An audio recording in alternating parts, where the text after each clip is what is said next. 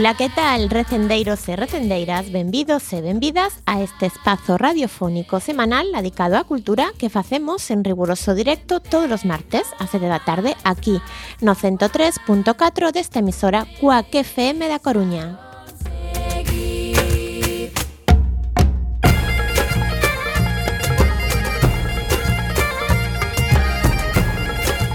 A agrupación cultural Alexandre Bóveda presenta este programa que podes escoitar polas ondas radiofónicas ou a través da internet e tamén en directo na páxina emisora cuacfm.org.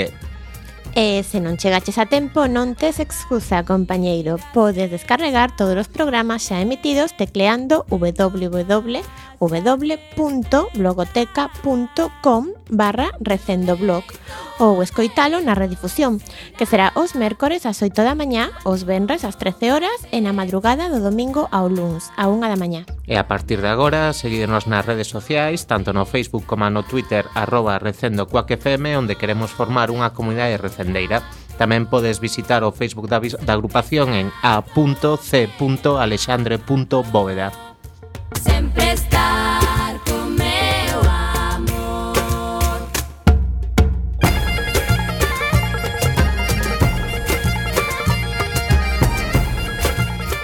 xa sen máis imos caraló na procura desta fantástica aventura cultural con Roberto Catoira no control técnico e falándolles coa Almanteira Javier Pereira e Gemma Millán.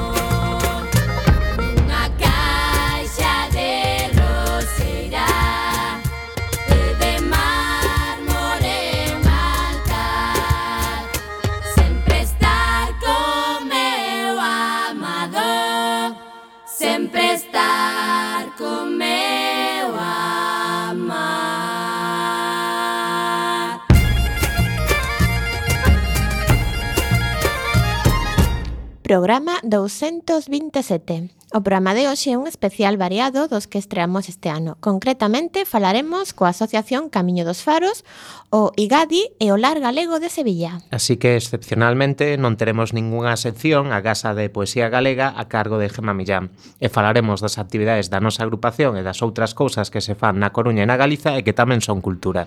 A música de hoxe, imos con ela, xa que unha das entrevistas fomenta a cultura galega en Andalucía, imos facer un canto a amizade galego-andaluza poñendo música do grupo A Mesma Lúa, grupo que editou en 2013 un disco con ese mesmo título. Tocan pezas tradicionais galegas coa sonoridade do flamenco. Presentamos a primeira peza de hoxe, titulada Eu chorei chorei.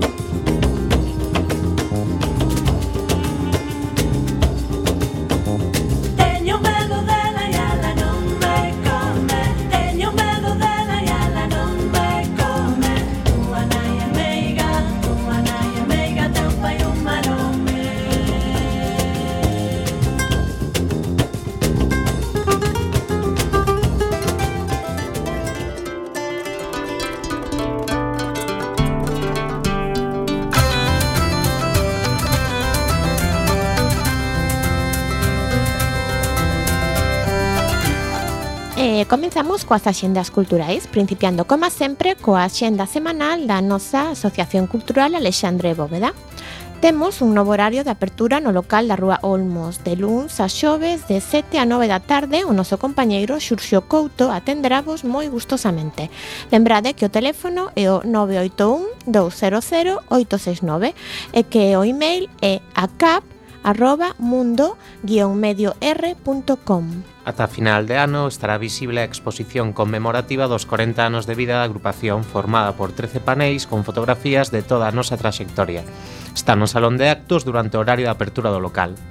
Tamén seguen á venta os cinco libros que forman a nosa colección de ensaio, reanudada nos últimos anos. Lembrade que son Formas de ver a bóveda, Señardade da luz, o estudo crítico da obra de Manuel María, escrito polo poeta Miguel Mato, Cartafol de Soños, homenaxe a Celso Emilio Ferreiro no seu centenario, 1912-2012, Por terras de Lugo, oito aproximacións á provincia con textos inéditos de oito autores lucenses e aspectos da toponimia menor coruñesa.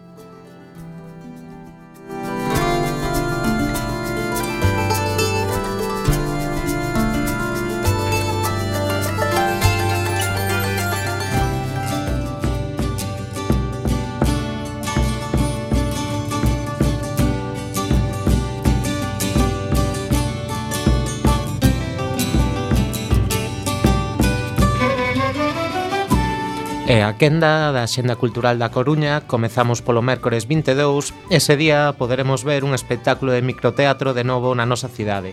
Será en San Andrés no local No Importa, que recolle o relevo de La Tuerca. Nesta ocasión, as actrices Chus Álvarez e Adelaida Pitaluga, dirixidas por Xan Carlos Mejuto, presentarán Los rivales máis fuertes, con tres pases nun espazo mínimo no que se vive dende moi cerca as emocións da obra.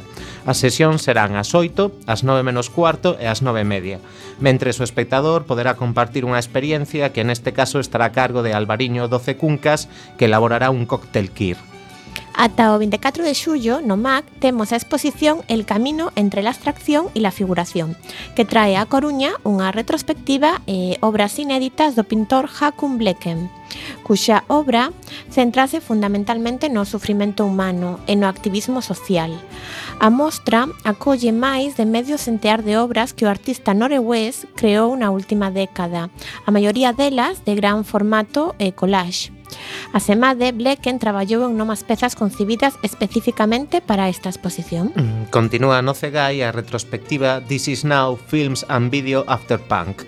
O ciclo fai alusión ao estoupido creativo que experimentou o cine e o vídeo no Reino Unido nos anos 80 do pasado século. Con proxeccións ás 18 horas e ás 8 e media, hoxe martes 21 podremos ver Before and After Ciencia e Throw a Glass Darkly e o martes 28 de xuño, Video Killer de Radio Star e Entering the Dream Space. O 25 de xullo, nos xardíns de Méndez Núñez, dentro do programa Coruña Orgullosa e Diversa, teremos un encontro para familias diversas dende as 17 horas cunha feria das asociacións LGTBQI. E a partir das 21 horas, concerto de Amparo de los Camiones e Laica Montenegro, Yello Daniel Cross DJ, Rebeca Moss, DJ Licho e a Performance Queer Arbeners. E por suposto non esquecemos na nosa xenda que esta semana é a Noite Meiga e ademais de sardiñadas e lumeiradas este ano organízase un sonxán pequeno con artes escénicas na rúa. Compañías como Caramuxo, Dantea Teatro, Elefante Elegante ou Tanxarina entre outras estarán polas prazas dos nosos barrios. Estade atentos ao programa porque hai moitas máis. E despois da queima, na esplanada de Riazor, tenemos un triplo concerto. Comenzan Bastards, seguimos con Siniestro Total e acabamos a noite cos diplomáticos de Monte Alto. ¡Lume!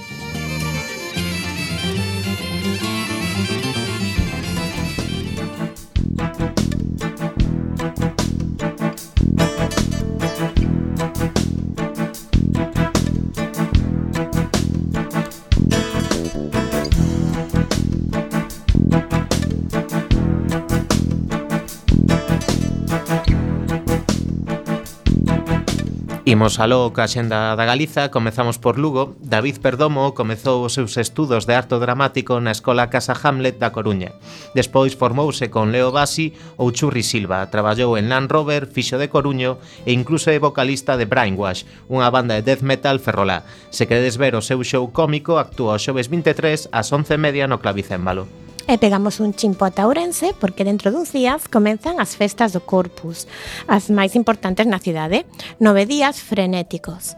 Por contar o que pasa nos primeiros días, diremos que o sábado 25 actúa Xoel López, o domingo 26 faino Roy Casal e o lunes 27 María Doceo. En todos os casos, é na Praza Maior ás 22.30 horas totalmente de balde. Aterramos en Pontevedra, esta semana remata o certame Cantos de Taberna 2016, para que poidamos podemos disfrutar desta agradable forma de entretemento e esquezamos aqueles cartéis dos 70 que dicían prohibido cantar, a última cita será o Benres 24 no que os carunchos cantarán nas tascas a Reixas e a Navarra. En Santiago, durante as últimas semanas, houbo varios concertos interpretados polos alumnos do curso avanzado de especialización orquestral. A súa traca final será o mércores 22 de xullo, ás 21 horas no Auditorio Abanca. Alí tocará a Real Filarmónica de Galicia con Maximino Zumalave, director, Laia Alvillana, frauta, Ismael Vidal, trompa, Diego Aragón, trompeta, Juan Antonio Carrillo e Miguel Blanco, violonchelo. Falamos agora de Vigo, esta semana celébrase a Festa do Orgullo LGTBI+, 2016 e a bandeira estará no Dinoseto para que a vexa todo o mundo. Haberá exposicións, mesas redondas, excursións e todo rematará o sábado 25 cunha gran festa na Praza da Pedra dende as 12 da mañá ata madrugada. E agora imos con Ferrol. A miña música, o teu refuxo. É un concerto para os refuxados que se celebrará simultaneamente en Barcelona, Ferrol, Madrid, Valencia, Sevilla e Zaragoza coincidindo co Día do Refuxado, que é o 20 de xullo, e o Día da Música, que hoxe 21 de xullo. Nesta terceira edición no Estado e primeira en Ferrol achegaránse artistas relevantes de pop e rock. A totalidade da recadación será para a CEM, CEAR, Cruz Vermella e ACNUR. Será hoxe martes 21 ás 20.30 horas no Teatro Jofre.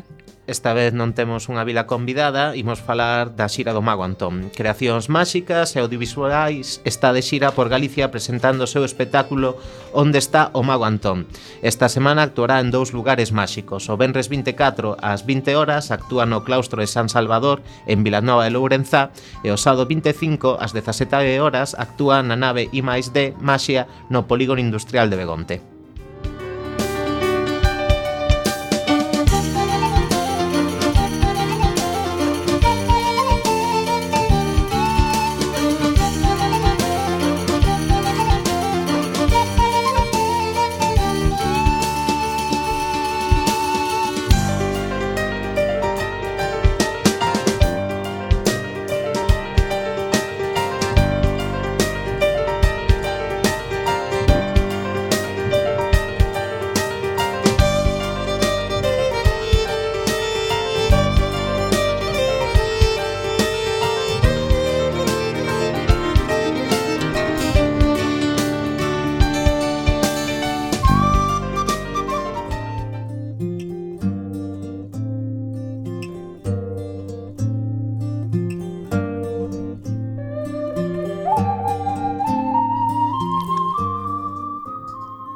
Santiago, meu doce amor, Camelia branca do ar brila entrevecida ao sol.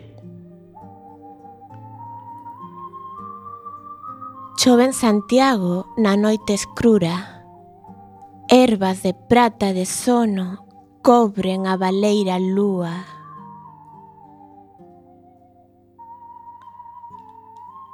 Olla a choiva pola rúa laio de pedra e cristal. Olla o vento esvaído, soma e cinza no teu mar. Soma e cinza no teu mar, Santiago lonxe do sol. Agua da mañán anterga, trema do meu corazón.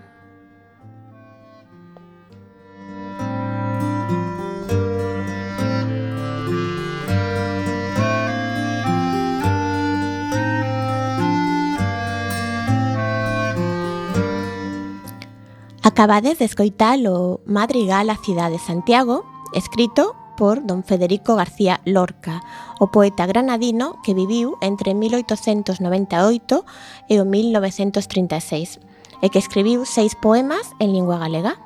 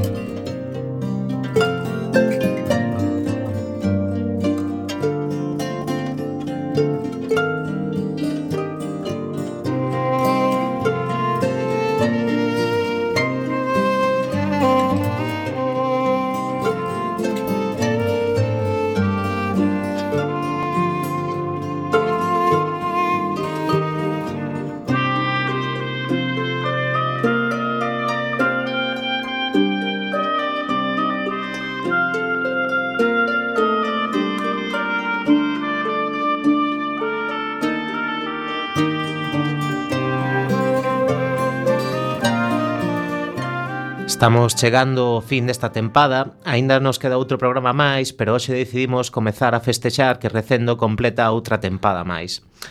Esta tempada foi un tanto especial polas novas incorporacións ao equipo. Este ano medramos en canto o número de persoas que facemos esta oriña de radio todas as semanas e tamén medramos en experiencia e coñecemento e o que aínda é máis importante, medramos en amizade. Tan orgullosos estamos que decidimos montar un especial diferente. Hoxe comenzamos dando unha volta por unha zona tan emblemática para o país como é a Costa da Morte. Imos da man dunha compañía inmellorable como é a Asociación Camiño dos Faros. A continuación, botamos unha ollada ao exterior coa guida daqueles que máis saben, o Instituto Galego de Análise e Documentación Internacional. Por último, visitamos os galegos emigrados en Sevilla, que forman Asociación Lar Gallego. Como vedes, o recendo desta semana é moi viaxeiro. Colle dun calzado máis cómodo que teñades porque hoxe toca camiñar. O Camiño dos Faros é unha ruta de 200 km que une Malpica con Finisterre. Unha senda que descorre prácticamente pegada ao borde do mar e que pasa por todos os faros da Costa da Morte, así como polos seus puntos de maior interese. O camiño foi aberto por seis amigos no ano 2012, eles tiveron que enfrontarse ao dilema de guardar o segredo ou compartilo con todo o mundo. Para a nosa fortuna, decidiron non calar a boca e nacía así a asociación Camiño dos Faros co obxectivo de que o camiño exista e perviva perspectiva da maneira máis respectuosa coa natureza. A supervivencia do camiño non é posible fora do sistema, por iso dende fai un par de anos a asociación traballa xunto coa Deputación da Coruña para conseguir a homologación do camiño dos faros como unha ruta de gran percorrido. Para contarnos máis sobre este interesantísimo proxecto, temos connosco a Trasqui, un dos promotores do Camiño dos Faros. Moi boas tardes, Trasqui. Hola, boas tardes. Pois boas tardes tamén para ti e moitas gracias por participar hoxe connosco en Recendo. Un placer. Bueno, para comezar, como vos deu por trazar unha nova ruta pola Costa da Morte? Mira, nós coñecíamos a Costa da Morte, isto é unha idea que tiñamos xa desde fai moito tempo, pero nunca levábamos a cabo, non? Entón, en decembro de 2012 decidimos vamos a andar desde Malpica a Fisterra polo camiño máis perto da beira do mar. E comenzamos a andar e chegamos a Fisterra E tal, entón despois, pois nese tempo, non moito tempo a falar entre nós e dixemos o que dixeches tío, contamos ou guardamos o secreto, decidimos contalo e, e triunfou. Mm. Eh, moitas gracias por non guardar o secreto, Traski. de cantas etapas está composto o Camiño dos Faros? O Camiño dos Faros son 200 kilómetros cunha, eh, que dividido en oito etapas, cunha media de 25, de 25 kilómetros. Mais son 25 kilómetros longos, eh? son etapas de 8 ou 9 horas, de sair ás 10 da mañán e chegar ás 7, 8 da tarde. Non, non é un camiño de Santiago, é un camiño bastante difícil, bueno, ten de todo, non? Pero que non pensen que vai ser o camiño por un paseo marítimo ao uso. É unha ruta de trekking onde tens que subir a cantilados, baixar a playas, cruzar por rochas, eh, moi divertido.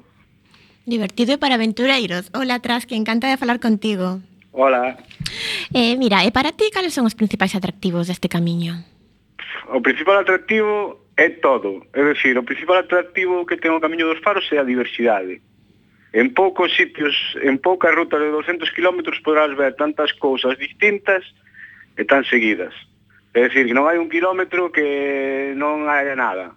É o que o fai diferente, esta ruta claro, dos faros. O que o fai diferente a diversidade, que hai acantilados, que hai praias, que hai praias grandes, praias pequeñas, praias de canto rodados, que hai mar rompendo mar aberto, ría, é dicir, bosques, ten unha variedade infinita. Infinita para estar falando soamente 200 km, que, que iso ten que quedar claro. Claro, eh, claro. Hm. Eh, podemos facer a, a ruta pola nosa conta atrás que ou temos que poñernos en contacto coa asociación ou precisamos algún tipo de, de permiso?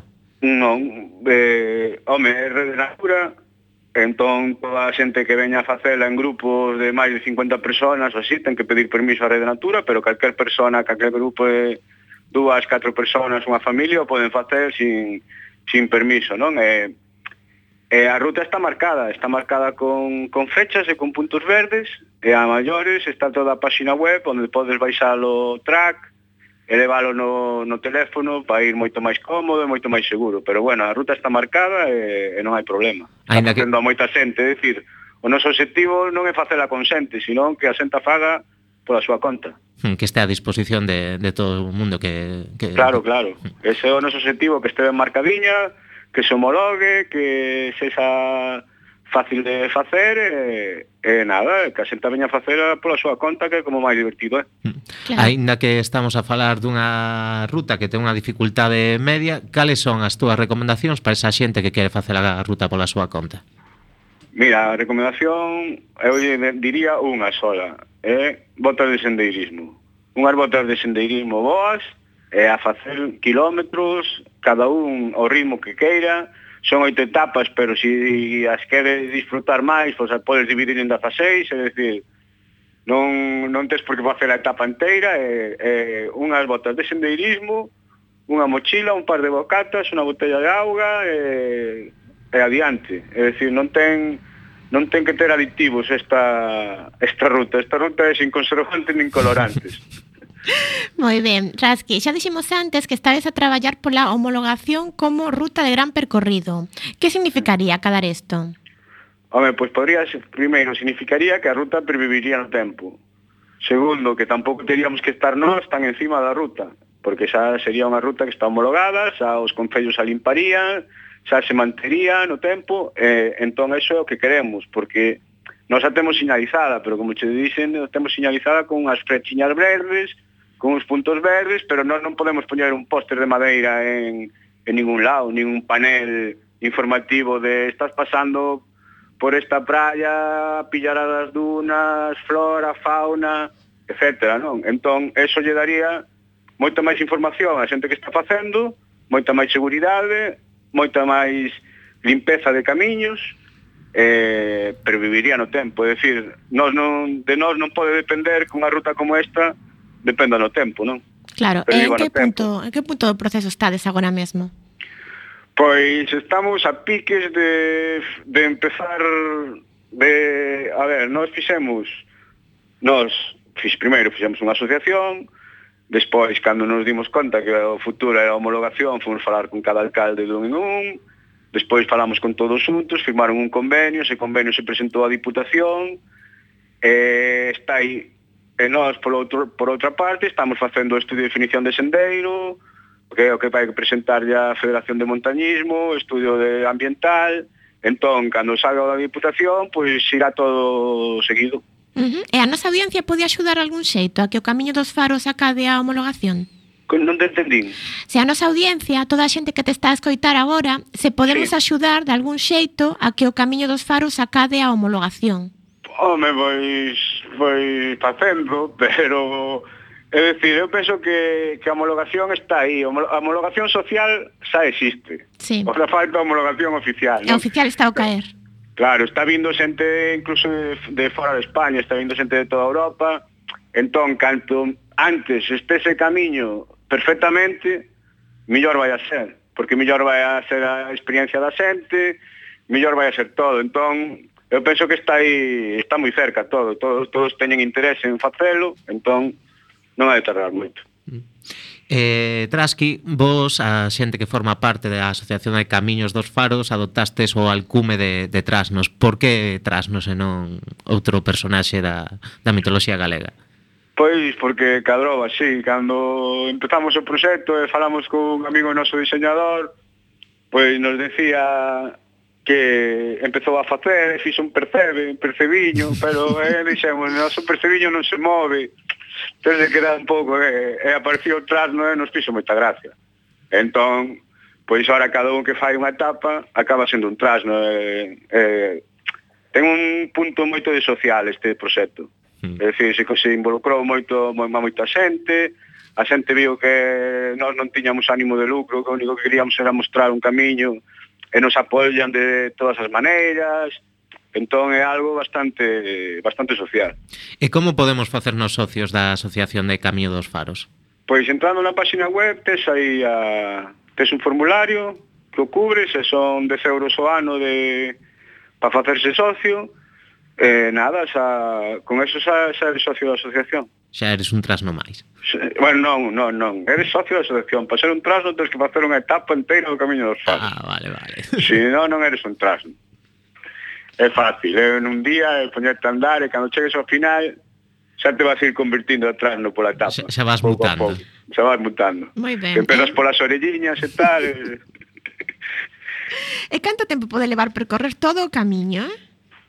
Pois todo o camiño ponlle si unha media de 9 horas por etapa, 75 horas. Perdón, podes repetir que non te escoitamos ben? 72 a 75 horas, ou así, facer os 200 km. Ti poño unha media de 9 horas por etapa. Sí. 9 horas por 8 etapas, 72, pois por aí 72, 75, máis ou menos. É doado atopar para pousar ou... A, a topar? Para pousar. Vamos, aloxamento ou para facer... A ver, nós a diseñamos...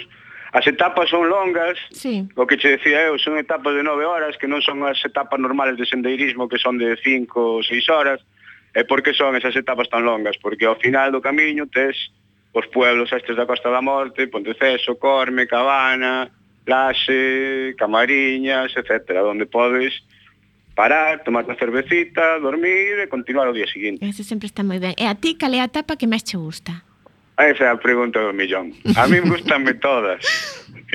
A min gustame todas. A min sempre que me preguntan cal, cal vimos a facer, cal me recomendas, eu te recomendo que salgas de Malpica e faga a primeira. e despois a vas ter ganas de facer a segunda e vas ver é que son todas todas teñen o seu punto, todas son distintas, e a cada un lle gusta unha cousa, outros lle gusta outra. Ten, a verdad que é espectacular. É unha ruta sin, sin edificios, É dicir, ven xente de fora, xente con miles e miles e miles de kilómetros de sendeirismo e quedan abrallados. Pois moitas gracias, Trasky. Deixamos aquí a conversa. Eh, nos imonos apuntar este verán a facer unha etapa e recomendámoslle a toda a xente que está escoitando que faga o mesmo que a nos, que vai a visitar a Costa da Morte. Exacto, me paseando, que é como mellor se fai e sendo respetuosos con a natureza. Moitas gracias, Trasqui. Veña, un saudinho. Chao.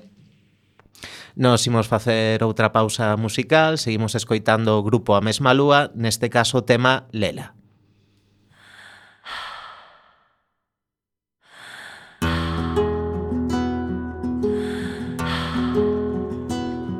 Están as roas molladas tanto como chover están as nubes llorando por un amor que morreu Lela, lela, leliña, porque neu morro Yeah.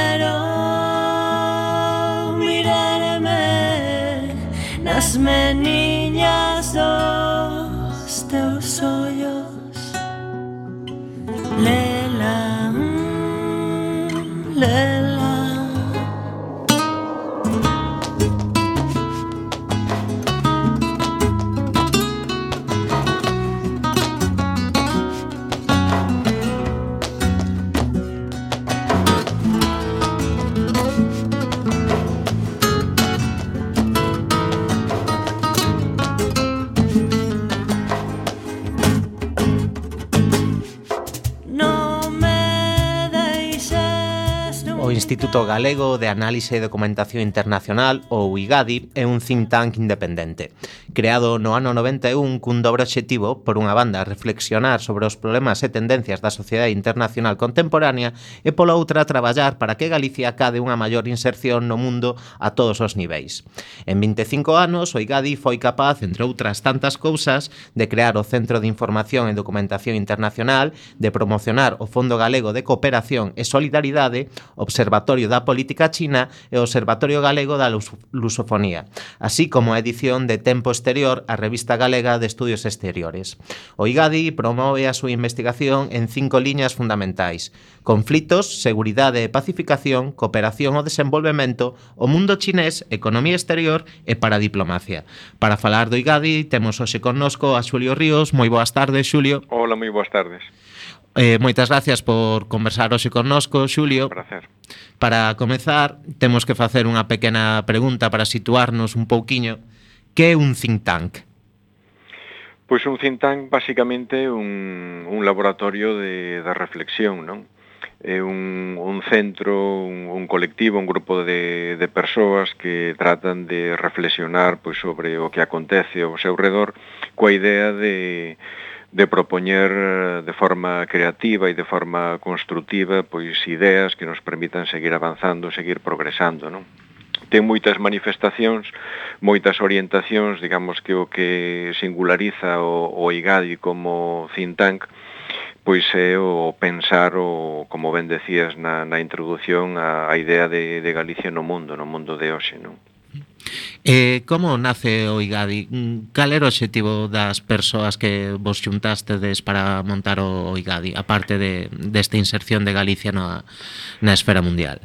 Pois o, o IGADI xurde nun, nun momento de, de gran inflexión histórica, non? A, a, co inicio do, dos anos 90 do século pasado, cando se eh, liquida, cando se disolve a, a Unión Soviética, non? Digamos que aí iniciase unha, unha nova etapa histórica co, co fin da, da Guerra Fría, co inicio, polo tanto, dunha transición a nivel eh, global eh, que ofrece pois novas oportunidades nun contexto igualmente novo a, a nivel global, caracterizado por ese proceso de mundialización do que tanto se leva falado nos últimos tempos, eh, e polo tanto, bueno, libera toda unha serie de, de oportunidades, toda unha serie de, de posibilidades que Galicia pois, pode identificar e intentar a, aproveitar. Non? Inicialmente, eh, o IGADI culmina un proceso anterior de, de reflexión, de traballo, eh, seguindo fundamentalmente o que foi a perestroika e a asnos na, na Unión Soviética nos anos 80 e surde alrededor precisamente dese, dese proceso. A partir de aí é cando o, se plantexa pois, a posibilidade de, no marco dese, desa gran transformación eh, internacional que surde co, coa finalización da, da perestroika e da glasno, pois un seguimento do proceso nos países da antiga Unión Soviética, nos países de Europa Central Oriental, tamén acompañando que o modelo cubano, a transición en Cuba e igualmente a transición en China e, e, e por extensión tamén en Vietnam, non? Co cal, eh, digamos que a orixe do IGADI ten moito que ver eh, nesa, nesa perspectiva co proceso de transformación das economías planificada, das economías planificadas en economías de mercado ou en economías con mercado. Non? Hola Xulio, moi boa tarde. Hola, boa tarde. Queremos saber canta, canta xente forma parte do IGADE na actualidade. ¿eh? Pois mira, eh, non somos moitos, porque a verdade é que é un tema que interesa pois a un grupiño moi reducido de persoas nestes momentos de maneira, digamos, eh, profesional, dedicada eh, a tempo enteiro, pois estamos alrededor de cinco ou seis persoas, algunha eh, traballando a tempo parcial, outras eh, colaborando eh, de maneira, digamos, non retribuída, en total alrededor dunhas 20-25 persoas, non? Temos un, un consello reitor no que hai nestes momentos 15 persoas, eh, e como eh, persoas que de alguna maneira colaboran como investigadores asociados, etc., temos cinco persoas. Non? En total, digamos que o universo que xira arredor do IGADE pois está arredor do medio cento de persoas, non? Sí. E pode unirse calquera persoa que así o desexe ou como son os requisitos? Pois, eh, en principio, bueno, aquí acollemos a toda aquela persoa que queira colaborar eh, nestes temas, non que este interesada eh, neles, non digamos que o noso enfoque é un enfoque independente, un enfoque eh, eh, pluridisciplinar, non é simplemente o que é o mundo da politoloxía ou, ou o dereito, sino tamén desde o mundo da, da economía, da historia, etc. Non? Eh, e, polo tanto, bueno, todas aquelas persoas que eh, de alguna maneira estén preocupadas por, por estes temas e lles interesen e ao mesmo tempo compartan certo eh, ideario non eh, que ten que ver un pouquiño con esa defensa que nos facemos de, do galeguismo universalista pois está aberto a colaboración de todo o mundo, claro cantas máis persoas de, eh, interesadas nestes temas, pois pois moito mellor. Esa é sempre a, a vocación, non? O IGADI nace coa idea tamén de crear equipos, non? De crear unha cultura cooperativa, non? Que sempre é difícil de levar adiante neste país, non? Uh -huh. Eh, cales son as principales labores ou aquelas que che gustaría destacar a ti, Xulio, que, que realizou Igadi? Eh, ben, son as actividades fundamentais irán fundamentalmente eh, pois arredor desas dúas claves que citaches ao comenzo, non? Mm. Que o pensar as transformacións no, no mundo e pensar, bueno, como responde Galicia a todo ese proceso, non? No primeiro aspecto, por exemplo, un tema que compre destacar e onde somos pois unha potencia, non?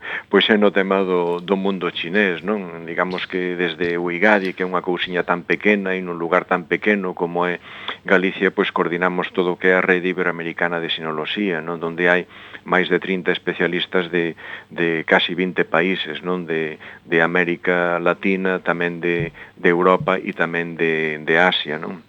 No ámbito eh, da, da proxección de Galicia no exterior, pois nos interesa moito que eh, todo o que ten que ver coa paradiplomacia, non co papel que as entidades subestatais eh, poden desempeñar no ámbito europeo e no ámbito internacional. Ora justamente temos para a semana pois o primeiro Congreso de Estudos Internacionais de, de Galicia que celebraremos en, en Pontevedra, onde queremos pois precisamente despois de 25 anos de trayectoria facer un pouco de, de balance, poñer en común algunhas ideas, algunhas reflexións, pois nun momento en que a idea de, da proxección de Galicia no, no mundo está moi enfocada no ámbito estrictamente económico e empresarial, deixando de lado pois, outras dimensións que tamén son moi importantes como o ámbito da cultura, o ámbito social, etc. etc non? Entón, creo que esas, esas dúas liñas eh, son especialmente eh, destacadas eh, actualmente, non son as únicas, pero son dúas eh, importantes e nas que pretendemos perseverar tamén nos próximos anos. Non?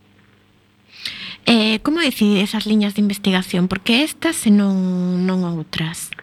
Ben, as liñas de investigación eh, teñen moito que ver con a, coas grandes áreas de traballo, o que queremos tamén é crear capacidades, non? E polo tanto, bueno, si desenvolvemos áreas de traballo, pois no, no tema do, do mundo chinés, poñamos por caso, ou no ámbito da paradiplomacia, pois o que queremos é crear capacidades aquí, crear recursos aquí, tanto humanos como documentais, etcétera, que nos permitan destacar no ámbito internacional, non? Por exemplo, unha das cousas que, que facemos nós aquí con carácter único que nos saibamos a nivel global é o informe mundial sobre estados de feito, non? do que levamos eh, tres edicións, non? as primeiras fixémolas en, en inglés e en galego e a seguinte eh, só en, en galego. Non?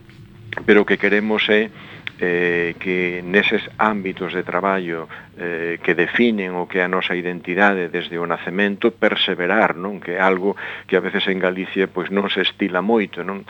A veces temos moitas ideas, planteamos moitas propostas, moitos proxectos, pero non perseveramos neles, non? E nestas cousas é importante perseverar para que poidamos contar, pois, nun prazo de tempo relativamente eh, modesto, pois con, con especialistas, con, con, con capital académico, con capital político, con capital social, que nos permita como galegos e como comunidade, como Galicia, pois destacar a nivel internacional nestes ámbitos. Non por eso a paradiplomacia e dentro dos conflictos, pois o mellor temas como as nacións sin Estado, etc., etc., intentar que, que eses son os, os grandes temas, as nosas grandes áreas de investigación e de traballo. Logo, isto ten moitos límites na práctica, non porque non hai recursos económicos para, para levar adiante programas de investigación mínimamente eh, profundos, nin hai persoas a veces con disponibilidade persoal como para poder embarcarse neste tipo de, de proxectos, pero están aí e seguiremos perseverando neles, non? Eh, dende o punto de vista do IGADI, eh, falando xa concretamente de Galicia, cales son as virtudes ou os puntos fortes do país para tentar acadar unha maior eh, relevancia internacional? Bueno, Galicia ten, eh, por falar dunha, dunha dimensión concreta, eh, o feito lingüístico, a nosa lingua, a nosa cultura, pois é un factor de, de proxección eh, internacional moi importante. Non falabas antes do Observatorio Galego da Lusofonía, eu creo que no ámbito do propio Estado eh, Galicia ten unhas posibilidades moi importantes para eh, desenvolver unha, unha acción exterior, unha diplomacia que teña como punto de interese pois o que é Portugal, o que é eh, Brasil, o que son os, os palop, os países africanos de lingua oficial portuguesa, non? E creo que nese sentido, por exemplo, nos levamos aplicando nos últimos anos unha atención privilexiada os Palop, non a Cabo Verde, a Mozambique, etc., etc., de tal maneira que a administración galega e outros actores, pois, eh, de alguna maneira se viron arrastrados por esta inercia para desenvolver eh, as políticas de cooperación internacional o desenvolvemento a través do Fondo Galego de, de Cooperación. Non creo que este é un, un elemento moi importante que probablemente Galicia non é o suficientemente consciente nin o propio Estado. Non? A min chamame moitas veces a atención o feito, por exemplo, de que un país como China, que ten unha rexión administrativa especial que se chama Macao, onde a lingua mm. oficial é o portugués, eh, aí estableceu a súa sede para crear un fondo de cooperación con todos os países de expresión portuguesa do mundo, non? Probablemente se viviremos nun estado un pouquiño máis intelixente, con unha diplomacia moito máis activa, moito máis participativa, moito máis democrática, desde Madrid se contemplaría a posibilidade de que Galicia capitalizase, dirixise, impulsase, pois o que é a relación de España como conxunto con eses países de expresión portuguesa en vez de intentar limitar a acción exterior como está acontecendo eh, últimamente. Non? Eu creo que ese valor, a, a dimensión atlántica, a relación que Galicia ten con América a través da diáspora, que constitúe pois, un capital relacional importantísimo eh, nos momentos en que tanto se fala de internacionalización económica, empresarial, etc., son recursos enormes, moi importantes que Galicia ten, pero que Galicia probablemente non aproveita de maneira suficiente. Non? Pois rematamos aquí esta conversa con estas palabras sobre as potencialidades de Galicia. Eh, Felicidades por eses 25 anos de, de IGADE, Xulio. Pois moitas grazas. Pois moitas grazas a ti por falar hoxe connosco. Ata outra. Adeus. Nos seguimos coa nosa pausa musical, seguimos escoitando a mesma lúa, ao tema que ven agora, se non me trabuco, é O Verde Gaio.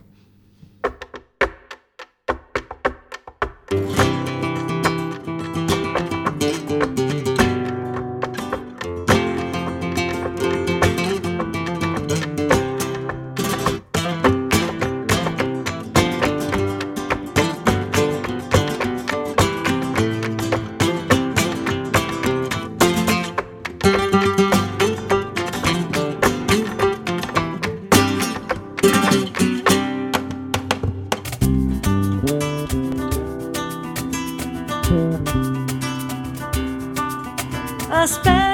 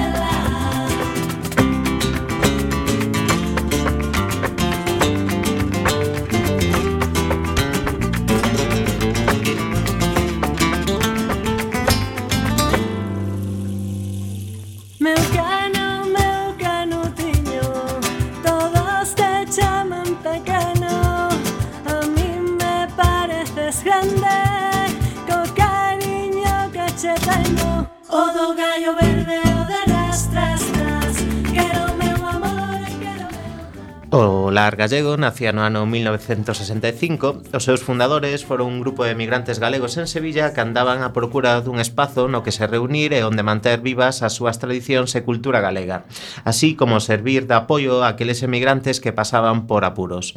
Máis de 50 anos despois, o Lar Gallego segue promocionando a cultura grazas ao seu grupo de gaitas, o seu premio literario, con máis de mil participantes, as súas conferencias e coloquios, así como a través do seu voceiro, a revista Andoriña que chega a todos todos e cada un dos centros de migrantes galegos repartidos polo mundo. Como non só de cultura vive a xente, o Lar Galego conta co seu propio restaurante onde desfrutar da tradicional gastronomía galega. Do mesmo xeito, cando chega a Feria de Abril Sevillana, a asociación dispón da súa caseta a proba definitiva da integración deste colectivo de migrantes en terras andaluzas. En representación de Lar Gallego, temos hoxe connosco a directiva Sandra Rodríguez. Moi boas tardes, Sandra. Hola, moi boas tardes, que tal? Moi ben, moitas gracias por atendernos o teléfono. Bueno, moitísimas gracias a, vosot a vosotros por chamarnos, encantados, en nome do Lar Galego de Sevilla, pois pues encantados de falar con vos. Ainda que xa falamos un pouquiño nesta presentación, contanos como nace o Lar Gallego. Bueno, realmente o nacemento do Lar Galego foi, eh, fai o día 1 de outubro deste ano 60 anos. E foi un grupo, como tive en contaxe, un grupo de migrantes galegos que acabou en Sevilla, e como naquel momento non había esas redes sociales como hai hoxendía, pois eh, asociábanse, xuntábanse e deciden un día montar unha, un Lar Galega imitando o que pasaba no resto do mundo, como era América Latina ou outras cidades de España que tamén teñan representación de lares ou casas regionais de Galicia. E con cantos socios conta agora mesmo a asociación? Mira, a día de hoy temos en total, máis que socios, temos unhas 400 familias. Digo máis que socios porque realmente eh, págase por o, o socio de unha persoa da familia, pero teñen dereito a participar no lar os fillos, os pais, eh, ata que cumplen unha certa edade tamén os familiares máis directos. Entón, alrededor, alrededor de 400 familias, máis ou menos, a día de hoy. De hoxe. Hola Sandra, moi boa tarde desde a Coruña. Boas tardes. a ver, aquí temos unha, unha dúbida. Digo. Queremos saber se para ser sí. socio do Lar Gallego de Sevilla sí. é imprescindible sí. ser galego ou descendente de galego. A ver, realmente non fai falla, vale? Con estar interesada e ter vocación de participar na cultura galega pode ser calquer entusiasta eh, socio do Lar Galego de Sevilla. Perfecto. Calquera pode serlo. Eh, sabedes máis ou menos cantas persoas forman a colonia de galegos en Sevilla? Pois é moi boa pregunta e non temos nin idea, porque realmente non, hai, non temos acceso a bases oficiales, é moi complicado saber cantos galegos viven aquí. Sabemos que, que non perten, pertenezcan ao lar, hai bastante xente, porque hai moitos funcionarios de Galicia que traballan aquí en educación ou en facenda, e son galegos que están de paso por Sevilla e non os temos registrados, pero non sabemos exactamente cantos galegos viven en Sevilla, aínda que nos encantaría ter unha base para poder darlles polo menos información del área que nos veñan a ver máis a miúdo. Hmm. e que tal se compenetra o carácter galego coa Feria de Abril, Satre? Bueno, eu creo que estamos na mesma salsa, porque non somos máis festeiros, feis, eh, festeiros os galegos, e a Feira de Abril realmente é unha feira como as que temos en Galicia, onde a xente reúne en fa, con familias e amigos para comer e para beber. entonces algo moi familiar para nós, co cual encaixamos perfectamente. É unha romaría máis. É unha romaría máis, exactamente, tal como as que temos en Galicia, o son de Monforte de Lemos, ali celebrase o San Mateo en setembro, eh, sí. a min recordame moitísimo a romería de a Feira de Abril co do San Mateo, porque montamos casetas, comemos, bebemos, eh, botamos uns bailes, pasámoslo moi ben. É parecidísimo a Feira de Abril, o que pasa que aquí é a nivel gigante, é, a, é como se fora unhas festas patronais, esa pouca diferencia hai. E que podemos atopar na vosa caseta?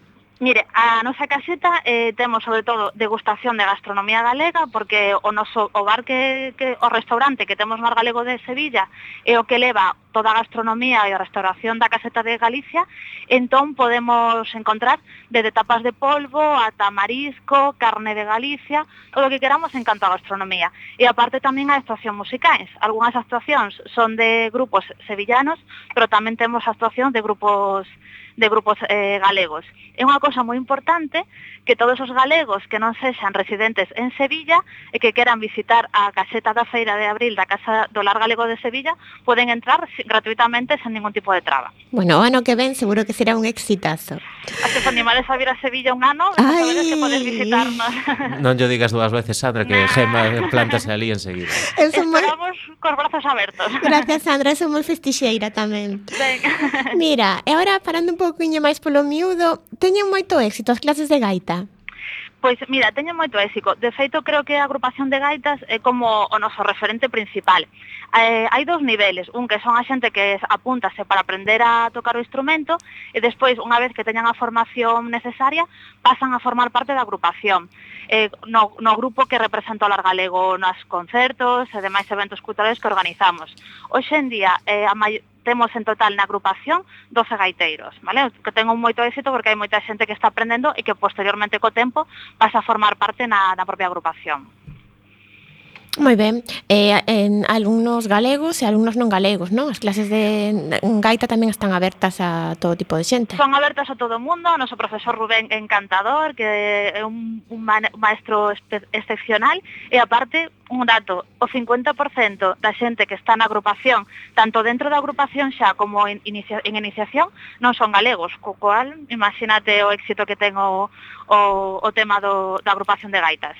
En xeral ten moito éxito a música galega en Andalucía, Sandra eh, que é moi coñecida, de acordo? Desde o, creo que o fenómeno de Carlos Núñez e grupos como Milladoiro, pois puxeron moi en relevancia a, a música galega. Entón, aquí se coñecese moito, e moi, non solamente o lar galego, eh, ten un grupo de, de música e traemos moitos concertos que se chean de xente que non son de Galicia, senón veciños do barrio ou sevillanos de outro tipo que lles encanta a cultura galega e veñan a escoitar os nosos os grupos que traemos para aquí. Senón que ademais eh, o agrupación de gaitas do lar galego chamana para que participen outros eventos, porque o, o tema de gaita e os grupos de cultura galega, de música galega, gusta en, xeral, en xeral a moito, a, moito a xente que daqui de Sevilla. E cal é a opinión en xeral que, que se ten dos galegos en Sevilla? Ainda que este é unha pregunta moi complicada. Faime moita gracia. Non che está escoitando ninguén. Mira, eu creo que creen que somos serios e moi traballadores. É un pouco cliché, ou non sei, o que se di de toda a vida, pero aínda hoxe en día parece que a xente sigue pensando o mesmo. Cando dices que es galega, creen que es unha persona unha persoa moi seria, como moito máis serio que os andaluces, e despois tamén o concepto de que, ah, o galego, esta persoa é moi currante, vai de dar vai vai ser un bo traballador, tamén todavía está moi moi relacionado. E creen, creo que todos estos conceptos veñen da esa primeira migración de todos estos galegos que viñamos a traballar duro e que cumpríamos co que co que pedían os nosos patróns naquelos anos. Eh, e xa para ir rematando, Sandra, ainda que, bueno, estaríamos toda a tarde falando contigo de Sevilla, da feira e eh, de todo o ben que nos acolledes sempre que vamos os galegos aí a Sevilla. Queremos saber, cara ao verán, que tendes preparado no Lar Galego. Pois no verán, no Lar Galego, preparamos actividades de outono, porque eh, esta é unha época, eh, sobre todo xullo e agosto, é un momento que todos os galegos aproveitamos para irnos de vacacións a Galicia. Estou pensando que chegue o agosto para irme a miña casa. Pero o que si sí estamos organizando xa, xa son todas as actividades que van vir en setembro, outubro e novembro, que temos o Magos Terror, vale, que a festa do Magosto eh, facendo referencia ao Xamaín ou Halloween que se facía en, en Galicia, celebramos tamén o aniversario do Argaleco que cumpla 60 anos, celebramos tamén un encontro de casas rexionais na, na plaza de, do máis central máis centicar de Sevilla, que é a Plaza Nova, e facemos tamén unha romería nun parque moi importante de Sevilla, que é o Alamillo, que con grupos de música galega e tamén comida para a xente que se queda a acercar, degustar gastronomía galega. Co cual no verán realmente estamos organizando todo o que va a ocorrer no outono. Perfecto, Sandra, pois co sabor da gastronomía galega vámonos porque xa estamos rematando este programa e non te queremos cortar. Un biquiño. Un bico, chao, chao. Chao.